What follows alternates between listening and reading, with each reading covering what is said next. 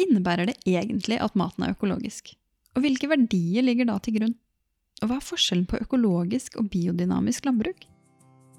Hei, og velkommen til Bak maten med Karoline. En podkast der jeg, Karoline Aalum Solberg, hver uke tar opp temaer jeg mener vi bør snakke om på veien mot et bærekraftig matsystem.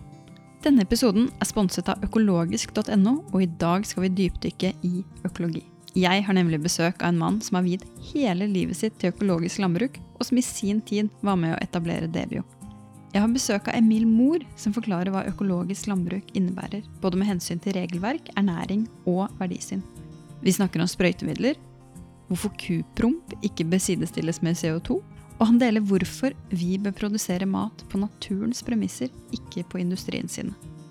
I tillegg snakker han om filosofien bak biodynamisk landbruk, og svare på om det egentlig er så hokus pokus som noen skal ha det til.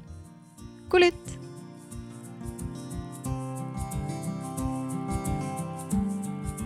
Hei, Emil. Velkommen på, eh, på podden. Hei, og takk for det, og takk for at jeg får være med. Veldig hyggelig å ha deg her.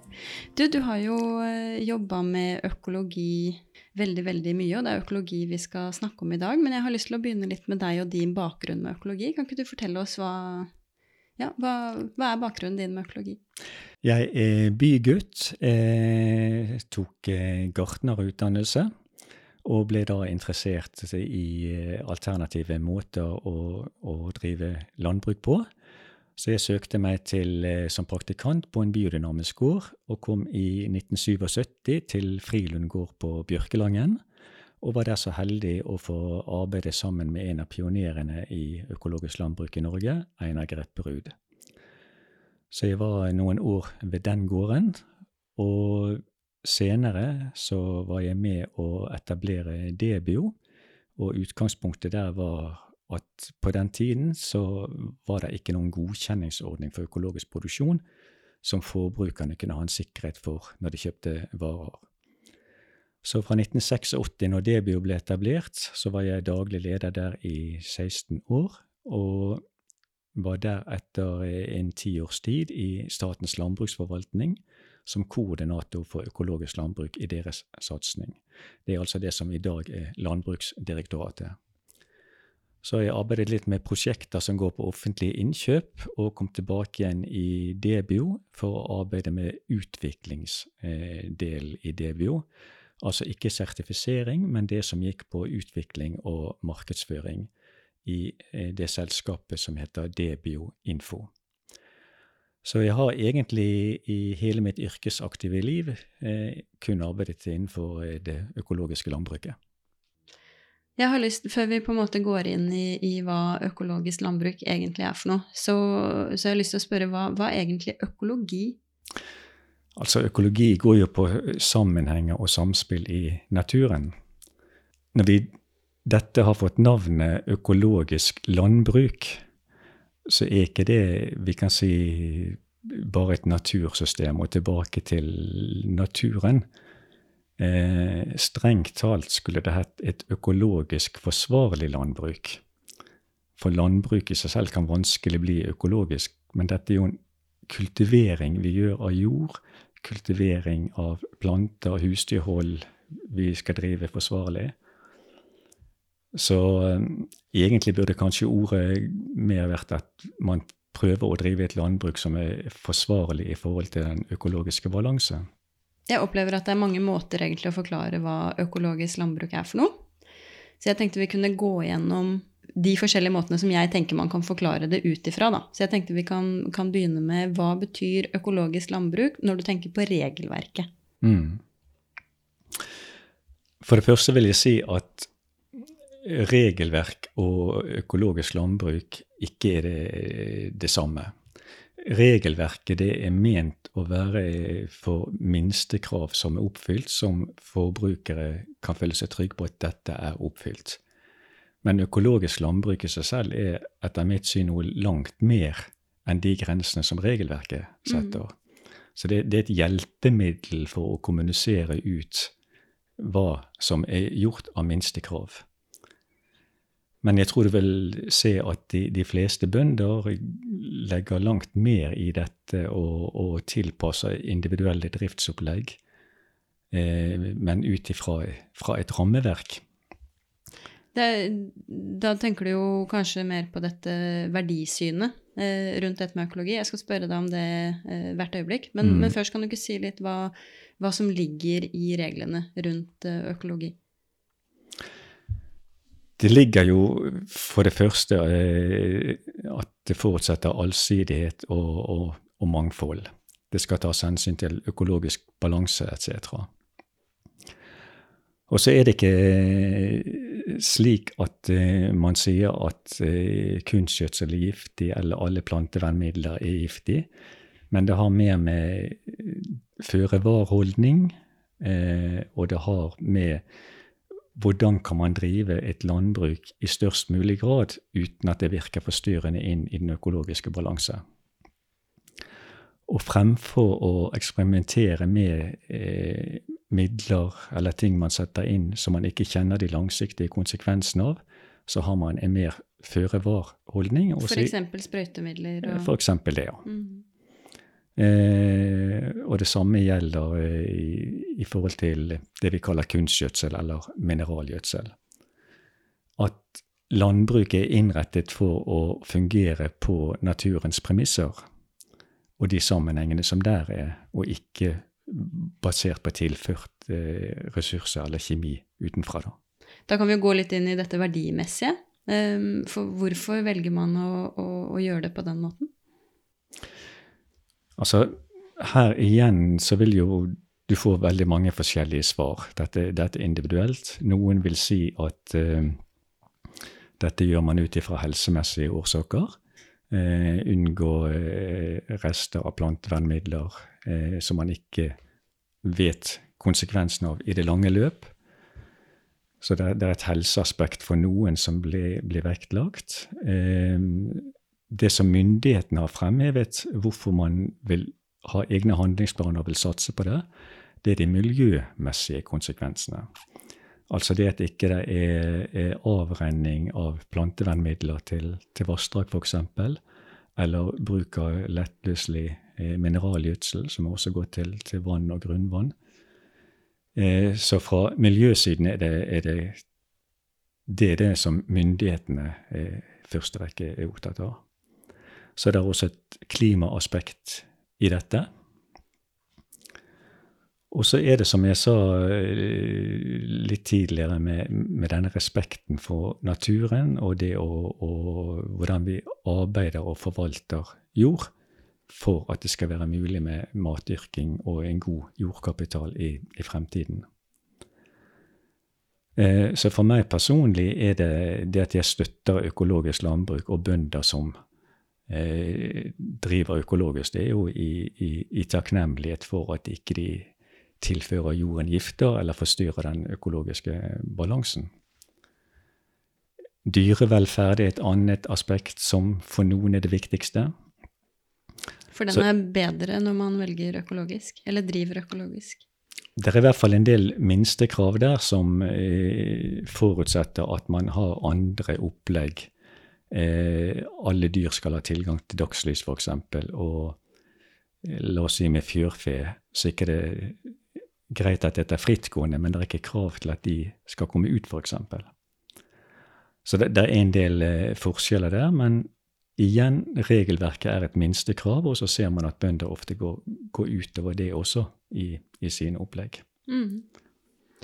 Og på selve maten, hva er egentlig forskjell på, hvis det er noe forskjell, på økologisk mat og, og liksom vanlig mat, i anførselstegn? Ja, eh, det var jo nevnt dette med, med fravær av eh, plantevernmidler. Eh, hvilket vil kunne bety en del for mange. Men man vil jo også se at selve vekstprosessen er en del forskjellig, fordi at når man bruker lettløselig mineralgjødsel, så er man også med å pushe frem eller tvinge frem en ganske hurtig vekst. Eh, med blikk hvor ja, formålet er størst mulig avling, så å si. Eh, bruk av husdyrgjødsel, eh, kompost, hvor det må en nedbryting til, gir en mer eh, stabil frigjøring av næringsstoffer og gir ikke den veldig pushet.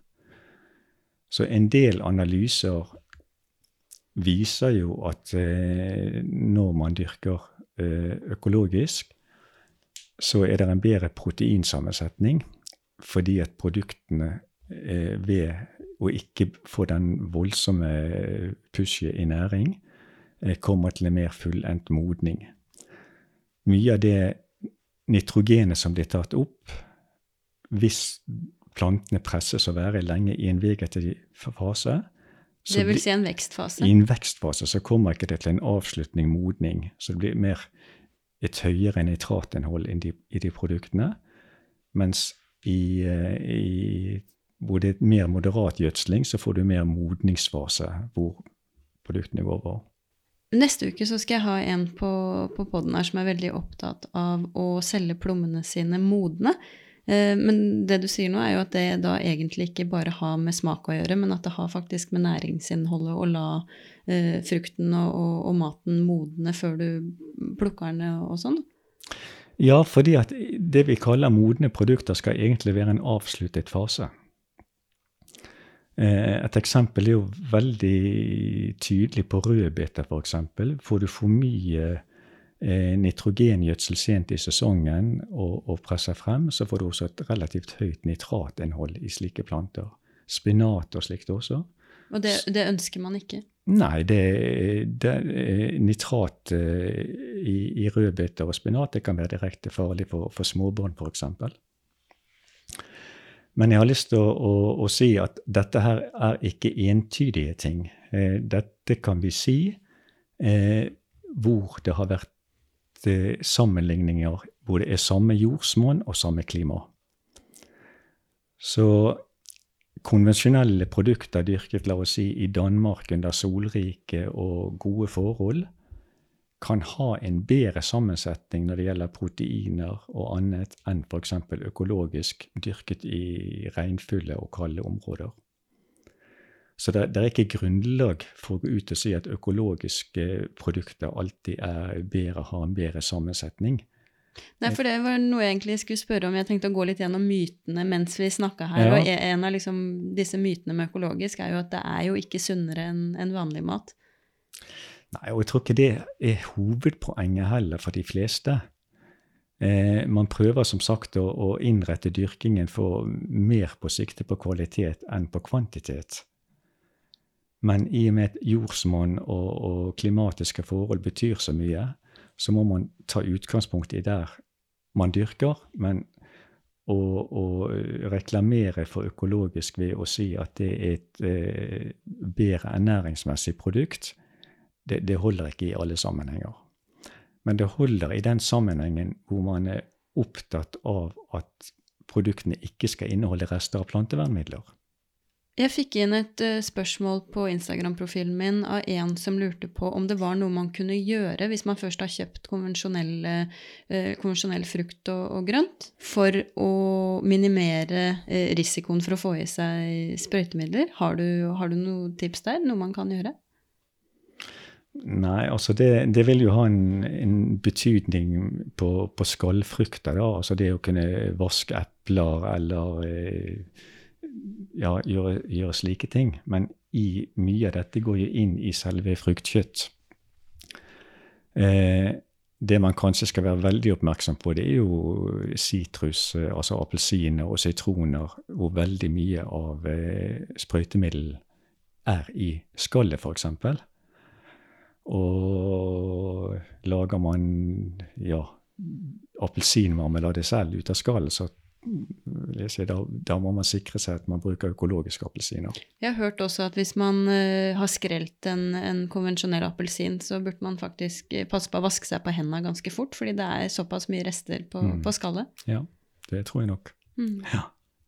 For de er jo på en måte Dette er sprøyting som, som går i skallet, og som skal, skal hindre nedbryting på den måten. Men forskjellige sprøytemidler går jo forskjellige steder i frukten. Og mm. noe som du sier går jo i, i, skallet, men jeg har også hørt at man kan eh, legge frukt og grønt i eddikvann. Er det et sånn kjerringråd, eller er det noe du har hørt før? Og det er kanskje spesielt for det som går inn i, inn i kjøttet, da? Ja, nei, det kan ikke jeg svare på.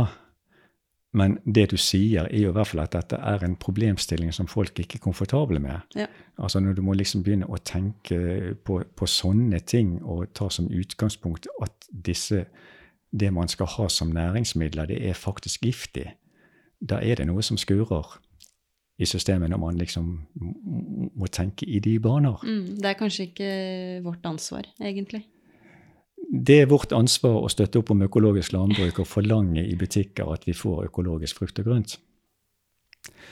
Altså Det vi må være oppmerksom på, eh, og det som eh, også forskning er enige om, det er dette med hvilken oversikt vi har over de langsiktige virkningene. Vi vet eh, mye om ett og ett middel, hvordan det virker og brytes ned men vi vet veldig lite om hvordan ulike eh, kjemiske midler virker i kombinasjon, såkalt cocktaileffekt. Og da er det forskere som sier at da er ikke effekten kanskje 1 pluss 1 er 2, men da kan 1 pluss 1 være 1000. Og så skal dette her sammen med kunstige konserveringsmidler, kunstige fargestoffer, aromaforsterkere og andre ting så dette er, slik jeg ser det i hvert fall, et, et ganske stort eh, eksperiment eh, over ting vi ikke helt eh, har de, de, den gode kunnskapen om. Hvordan vil dette virke over, over tid? Og det er en av hovedgrunnene til at man i økologisk landbruk har føre-var-prinsippet. Da sier vi heller nei til disse midlene, og så har vi det som en holdning for ikke å risikere noe som ikke vi aner konsekvenser av. Men det kommer jo også veldig an på hvilke midler dette er. Og, og vi får jo i oss plantevernmidler ikke bare gjennom selve produktene, men av, av andre veier også. Nå er jo vi heldige her i Norge som for en stor del eh, har drikkevannet fra overflatevann.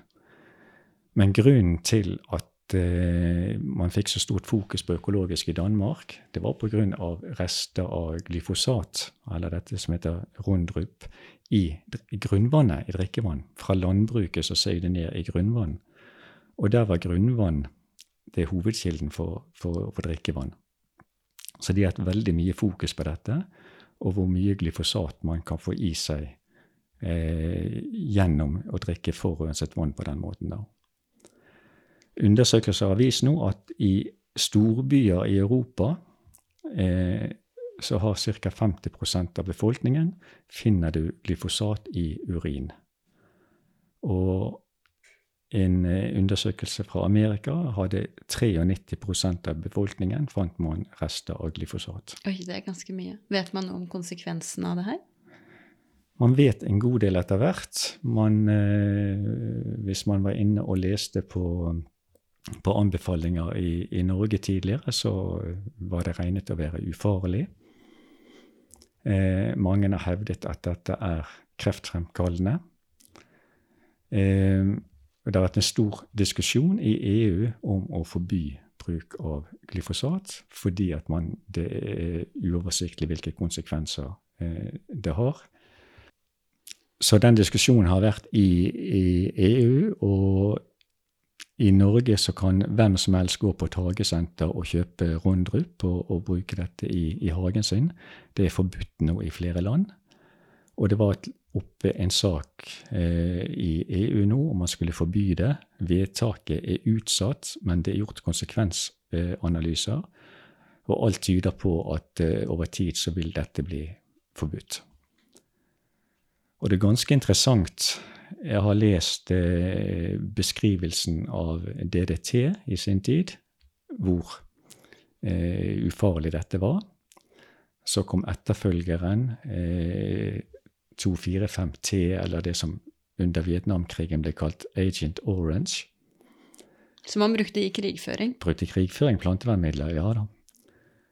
Og det brukte man eh, i Vietnamkrigen for å fjerne bladverk i jungelen, slik at man skulle oppdage hvor befolkningen var. Og det, det var jo brukt som eh, middel i Norge også. og beskrevet som helt ufarlig. Og så ble det totalt forbudt, for det viste seg jo hvilke katastrofale følger dette hadde på genetisk materiale. Enda er det jo misdannelser på foster i, i, i Vietnam så mange generasjoner etterpå. Og så kommer da altså avløseren, som er glyfosat. Og jeg tror eh, det, det, begynner virkelig å komme opp mye diskusjoner nå, men jeg tror det også kommer til å bli forbudt. Men det har jo vært veldig motstand mot dette, for hva er da alternativet til glyfosat? Det har man egentlig ikke. Og dette vil bli ganske inngripende i, i norsk eh, jordbruk, fordi at det er så veldig del av den ensidige korndyrkingen å kunne bruke glyfosat. Når du snakker nå, så sitter jeg jo og tenker på at å bruke sånne midler som blir så dominerende Man gjør jo egentlig det fordi man har et system som man kanskje ikke driver på naturens premisser og mm. Eh, på en økologisk måte, uavhengig om man er sertifisert eller ikke, da. Ja. Mm. Så dette, dette, har jo med systemet å gjøre. Ja, det er litt det jeg mener. Og det, og det at når du dyrker korn etter korn etter korn, så får du, da får du kveke, eller du får andre ugrasting. Du får eh, skadegjørere som kommer til et rent matfat, så å si. Og måte å bekjempe ugras eller eh, såkalte eh, skadeinsekter eller andre på, det er jo gjennom mangfold og vekstskifte. Og et jordbruk uten vekstskifte, det blir, da er man avhengig av å, å, sette inn med kjemiske midler, faktisk. Man kan ikke tenke en økologisk drift med korn etter korn etter korn. Det, det, det, bli, det blir ingenting, for å si det slik. Jeg tenker jo når man har et system som er så inngrodd i bruken av disse midlene, og man er så avhengig av det, da, og, og, og, det skifter mot en mer miljøvennlig og en mer økologisk måte å drive på, det virker for meg veldig, veldig langt fram i tid, da.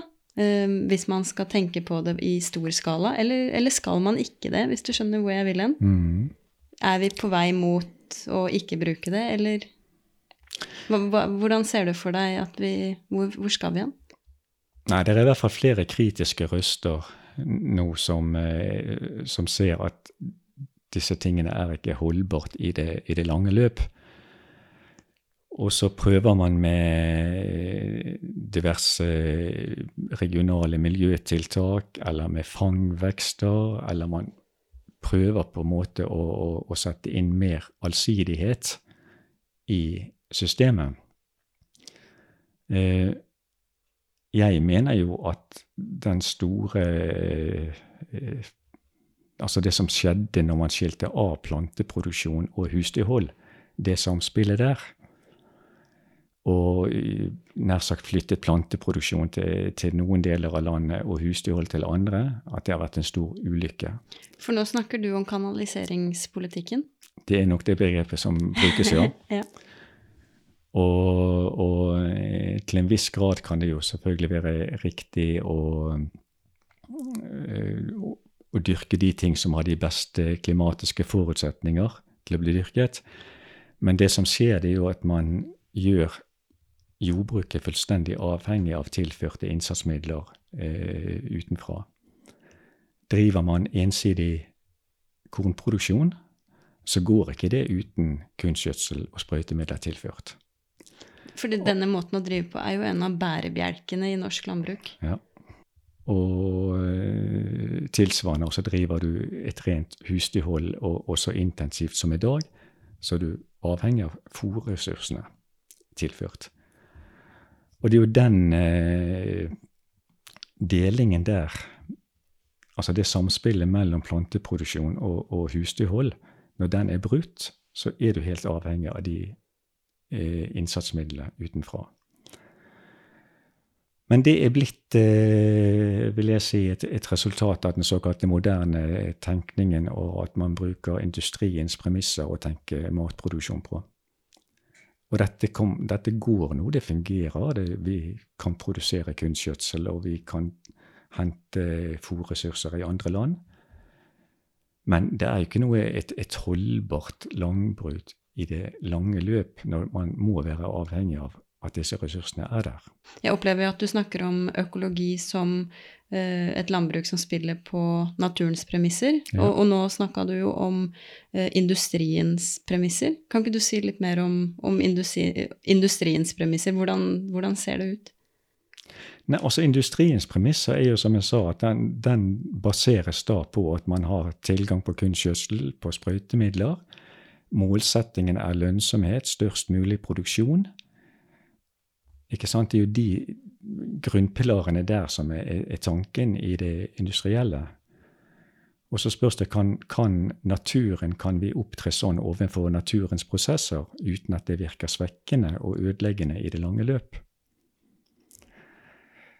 Og her i Norge så har jo vi dette høyt hevede begrepet som sier at når man driver en gård, så skal man overlate den til neste generasjon i minst like god stand som man selv overtok den i.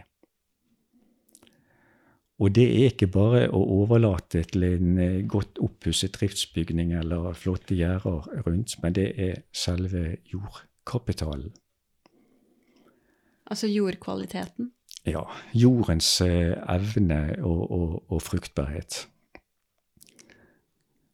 Og det vet vi veldig mye om at for å opprettholde et avlingsnivå over lang tid, så må man tilføre mer og mer eh, kunstgjødsel utenfra. Og jordens egen evne, altså fruktbarhetskapitalen, den er svekket. Og når man da snakker om å overlate en jord til neste generasjon, så mener jeg at det i dette så ligger det da at jordens eh, fruktbarhet, jordens eh, kapital, den skal være minst like god. Og det er ikke status på, på norsk eh, landbruk i dag når den er gjort så avhengig av disse ressursene utenfra. For hvordan er det man egentlig tar vare på jorda, tenker du? Altså, jeg, jeg mener jo at eh, vi må sørge for at jorden ikke mineraliseres, men at den får et høyt innhold av organisk materiale. Når det brukes eh, mineralgjødsel eh, år etter år og åpen åker, så går det organiske innholdet ned i jorden, og det blir mer mineralsk. Ikke bare utsettes jorden for mer erosjonsfare, men Altså at jorda forsvinner? Ja, mm. det er én side av det.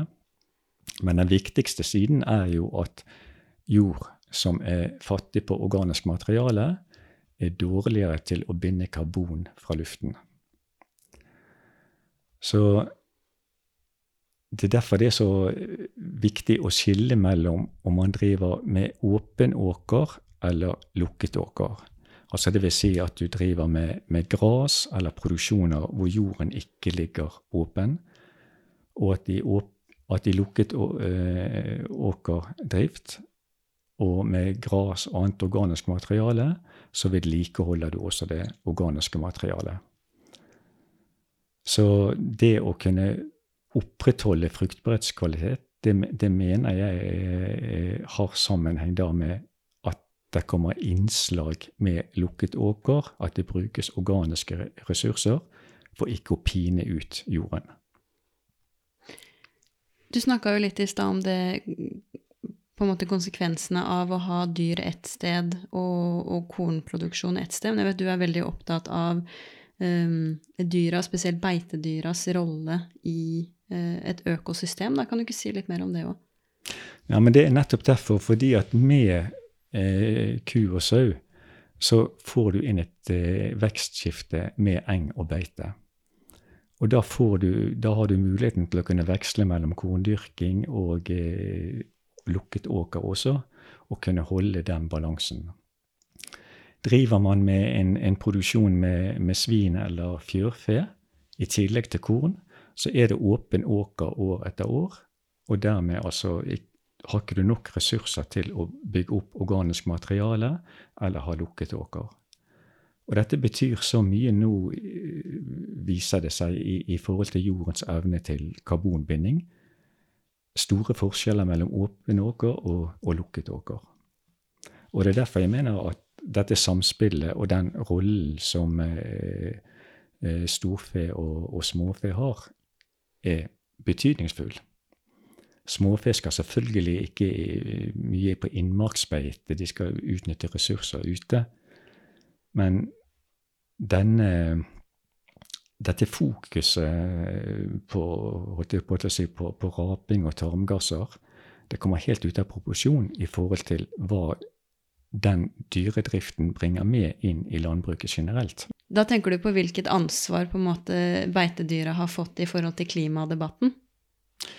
Ja, og det mener jeg liksom at man, man fremhever eh, fjørfe og gris som, som de, de, klimavennlige eh, ting. Det, det, det, det, blir så feil. Hvor, hvorfor det? Eller hvorfor det, tenker du? Ja, Blant annet det at eh, med, med, storfe og småfe så får du inn da eng og beite og, og andre vekster inn i, i vekstskiftet.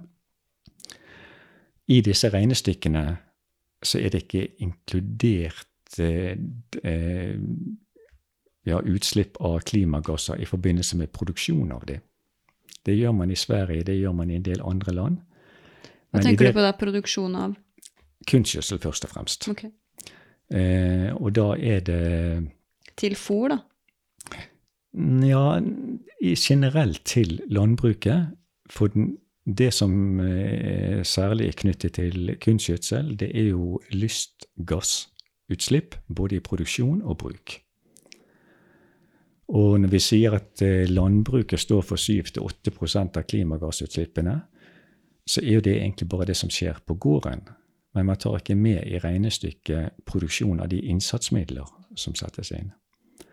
Og det brukes mindre innsatsmidler i fôret til ku og sau enn det gjør i forhold til gris og, og fjørfe. Som er 100 kraftfôrbaserte? Ofte er det det, ja. Mm. Noen har jo andre innslag, men generelt er det jo basert på at det er kraftfòrbasert, ja. Mm. Så den klimadebatten der, og, og, ja, det er veldig bra man har et, et fokus på eh, metan. Og, og, og, det har jo et, et høyt oppvarmingspotensial. Men det spesielle for metan er jo at det ikke er stabilt, men brytes ned i atmosfæren over tid. Og CO2 har jo en levetid på opptil 200 år, som er langt mer alvorlig enn i forhold til, til metan. Og når vi snakker om lystgass, er det mange som mener at da snakker vi om en 300-årsperiode.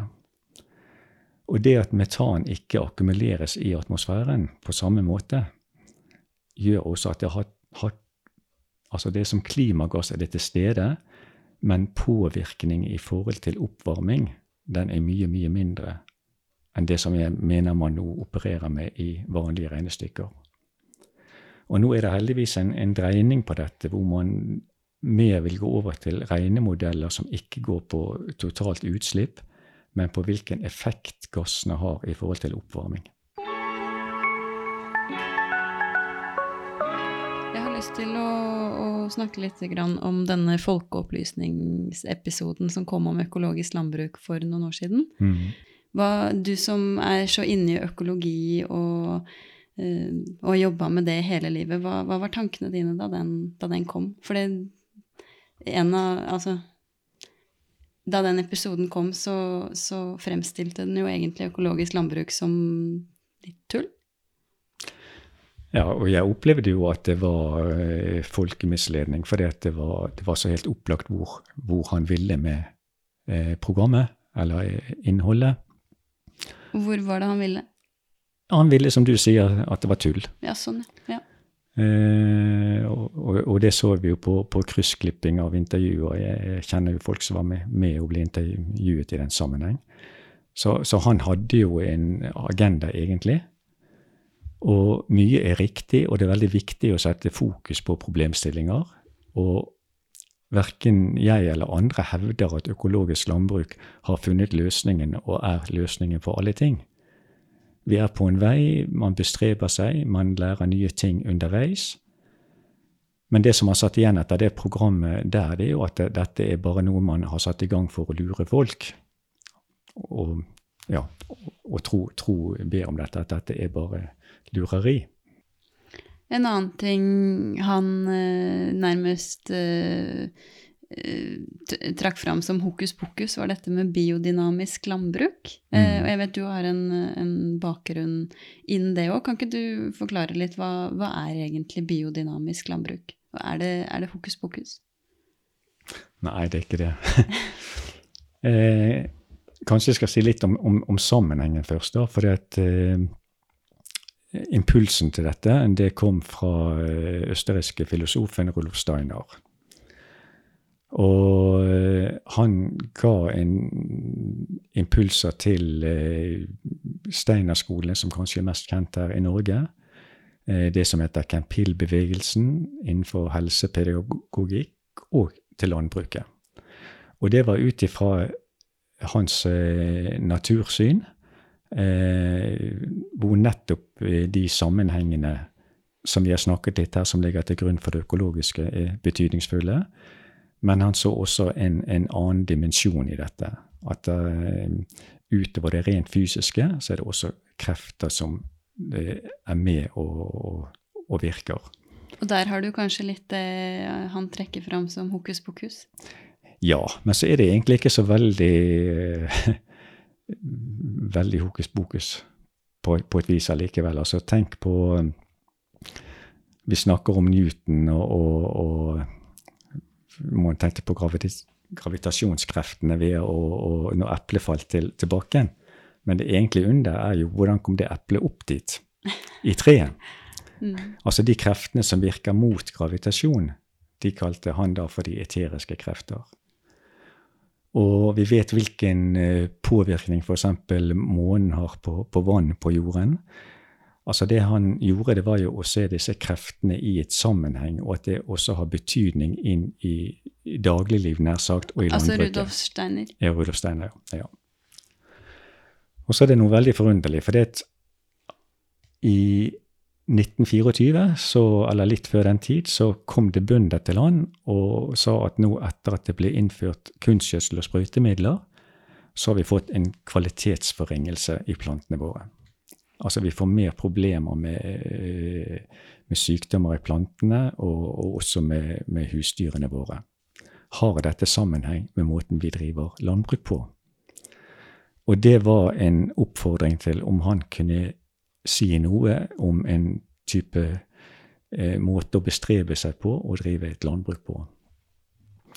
Og det essensielle som han sa den gang, i et bilde, det var at et landbruk er mer sunt jo mer det drives som en sluttet enhet. Og at det som tilføres utenfra i form av andre produksjonsmidler, er å betrakte som eh, medisiner inn i en syk organisme. Altså, Så var- egentlig kun i nødstilfeller? ja, men dette er veldig veldig satt på spissen, Mm. og det presiserer Steiner også. Men det var for å gi et bilde av betydningen av å ha et planteproduksjon og et husdyrhold som er tilpasset hverandre.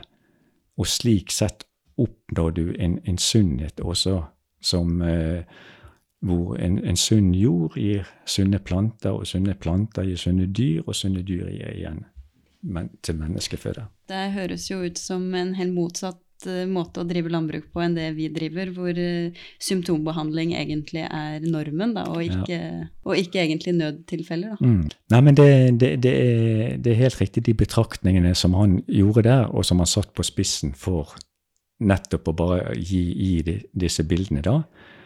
Og at det bøndene måtte tilstrebe, det var å få denne sammenhengen, for det hadde så mye å si for, for hele systemet og for de produktene som kom ut fra systemet.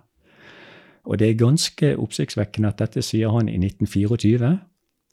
Og leser man nå eh, rapporter fra FAO og fra andre som snakker om hvordan fremtidslandbruket må innrettes, så er det faktisk eh, i, i, den retningen der, hvis man skal ha et, et, et holdbart system inn i fremtiden.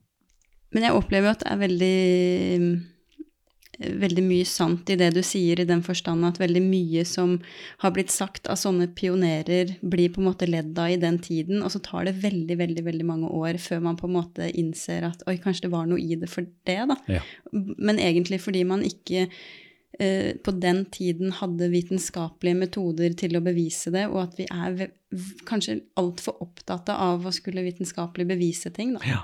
Uten å tenke på andre måter også, eller ja. kjenne litt etter, da. Nei, og det var, det var Steiner, men det var også andre. Det var eh, Hans og Maria Müller i, i, i Tyskland og Sveits som hadde det organisk-biologiske. Eh, Sir Albert Howard eh, i Belfort altså Overalt var det personer som stilte spørsmålstegn med det nye som var i ferd med å skje med landbruket. For stort sett så blir jo dette her applaudert, ikke sant, at nå fikk man kunstgjødsel og sprøytemidler inn i landbruket. Og så var det noen modige pionerer som eh, sa vent litt, hva, hva betyr dette, eller hvilke konsekvenser får dette for eh, matproduksjonen?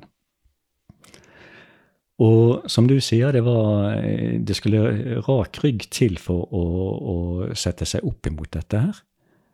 Jeg fortalte innledningsvis at jeg kom til en gård som begynte en omlegging i 1952. Og å stå i den situasjonen på den tiden, det var jammen, jammen ikke lett. For det var liksom eh, Du, du arbeider jo mot fremtiden, og, og utvikling var det som man trodde da. Og det var ikke så veldig mye forskning på disse tingene den gang. Det var, det var Man så avlingsøkninger, og man så at dette fungerte. Så jeg har enorm respekt for eh, alle de som har eh, gått foran her og stått i den stormen, og som i dag egentlig får en slags eh, hedersbevisning igjen, fordi at eh, ja, det var noe i dette. Og vi ser jo nå at allsidighet og, og, og det fokuset som er på å bruke minst mulig kjemiske plantevernmidler og slike ting, det er en grunn for at dette her har slått tilbake igjen nå.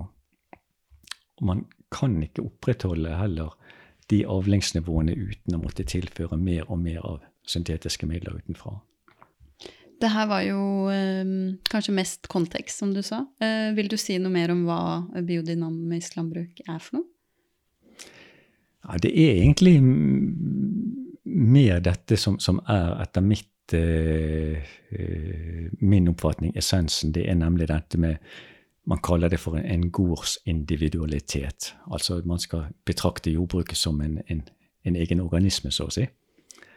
Eh, så brukes det noen preparater i dette som er, er fremstilt av eh, planter fra, fra husdyr, som oppfattes liksom det som man trekker frem som det, det mystiske i dette.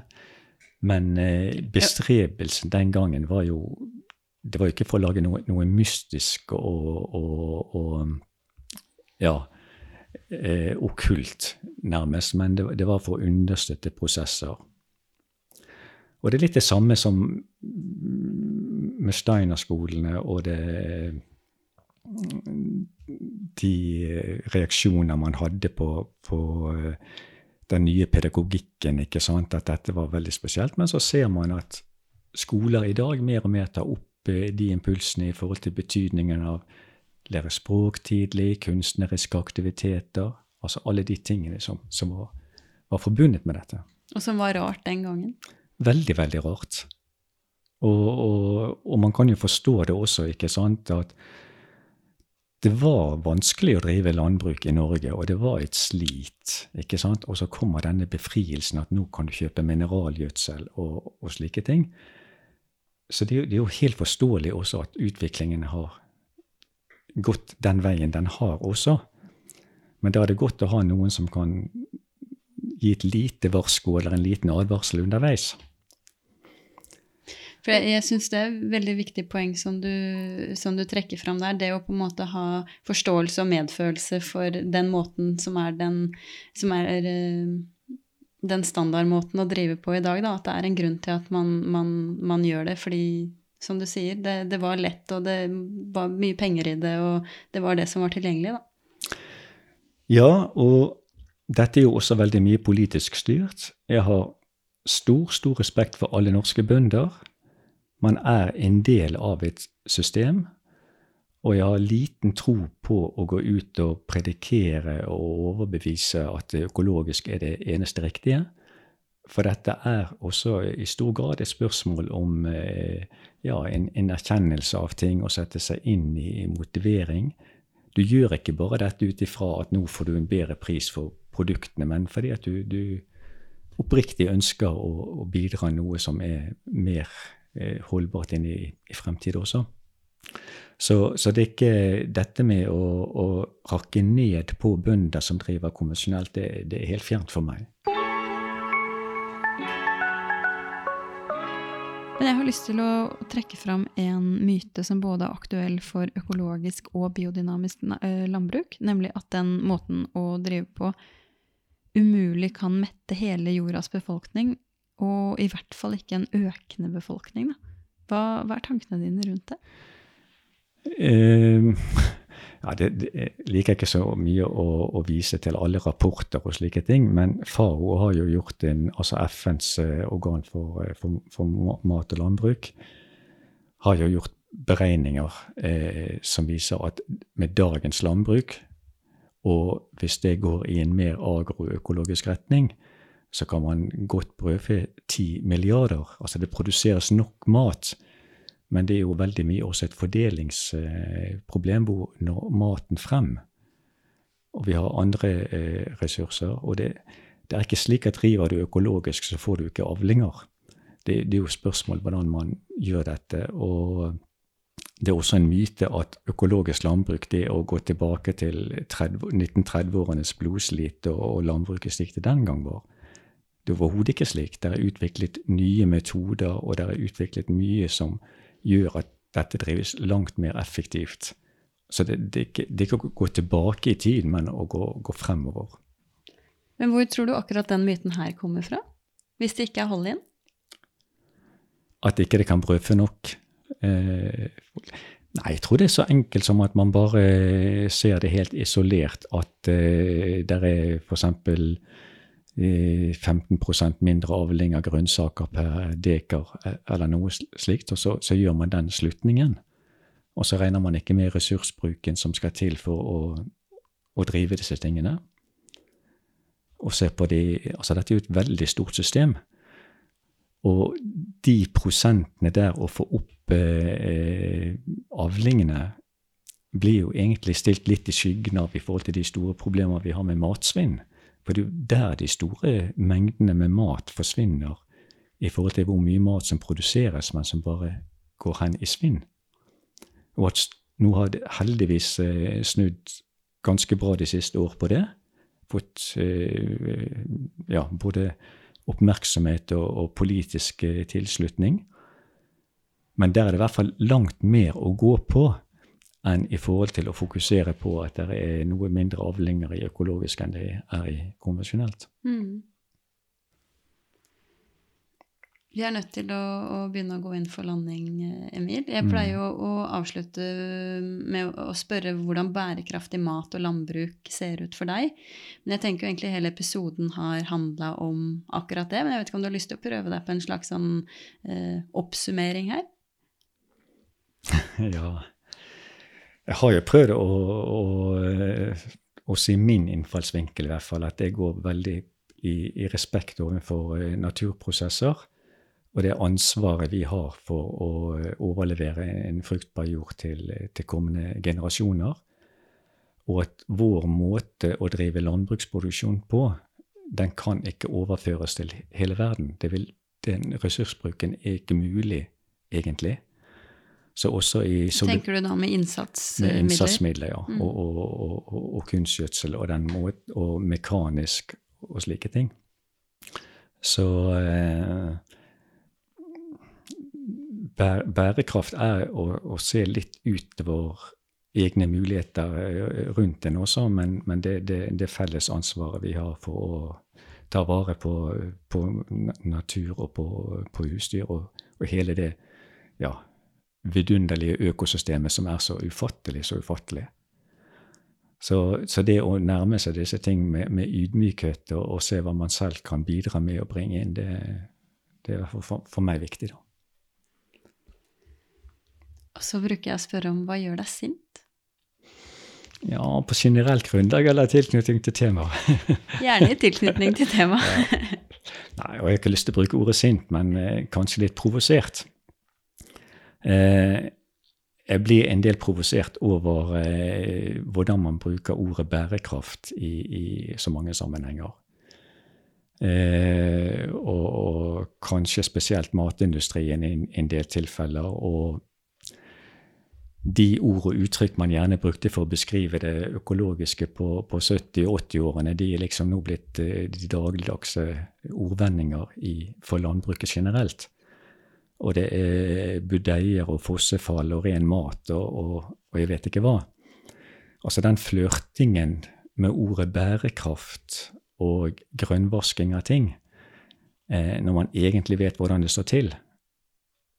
Jeg kan ikke si jeg blir sint, men jeg blir, blir litt provosert av det, for å si det på den måten. Og helt til slutt, hva, hva gir deg håp? Du, det er så mye som gir håp. Og, eh, og det er jo at jeg ser på stadig flere områder så løsner litt ting, og man får mer interesse og respekt for ting. Eh, vi hadde en satsing her i Norge som ble kalt eh, foregangsfylker. Eh, og da var et, På økologisk? På økologisk landbruk, ja.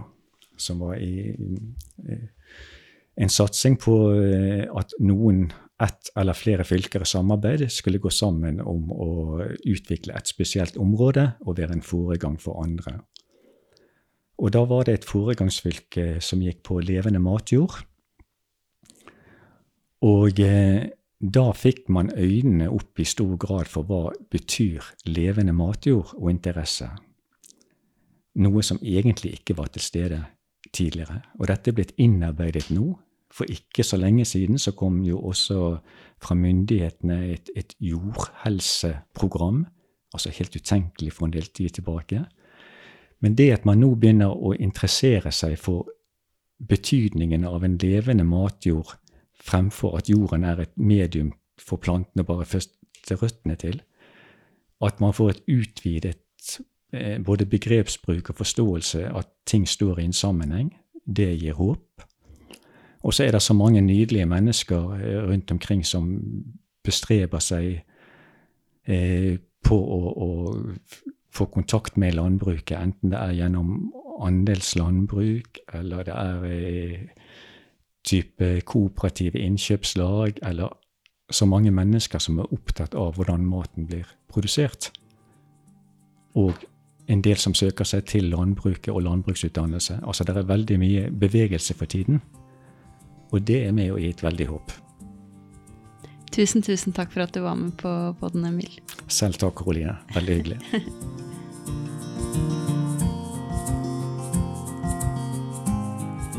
Denne episoden er laget av meg, Karoline Aalum Solberg, med midler fra økologisk.no. Musikken er laget av Creo og Liro Sever. Om du vil komme med ris eller ros, så finner du meg på Bak maten med Karoline på Instagram og på karoline at bakmaten.no. Vi snakkes igjen neste uke. 好的。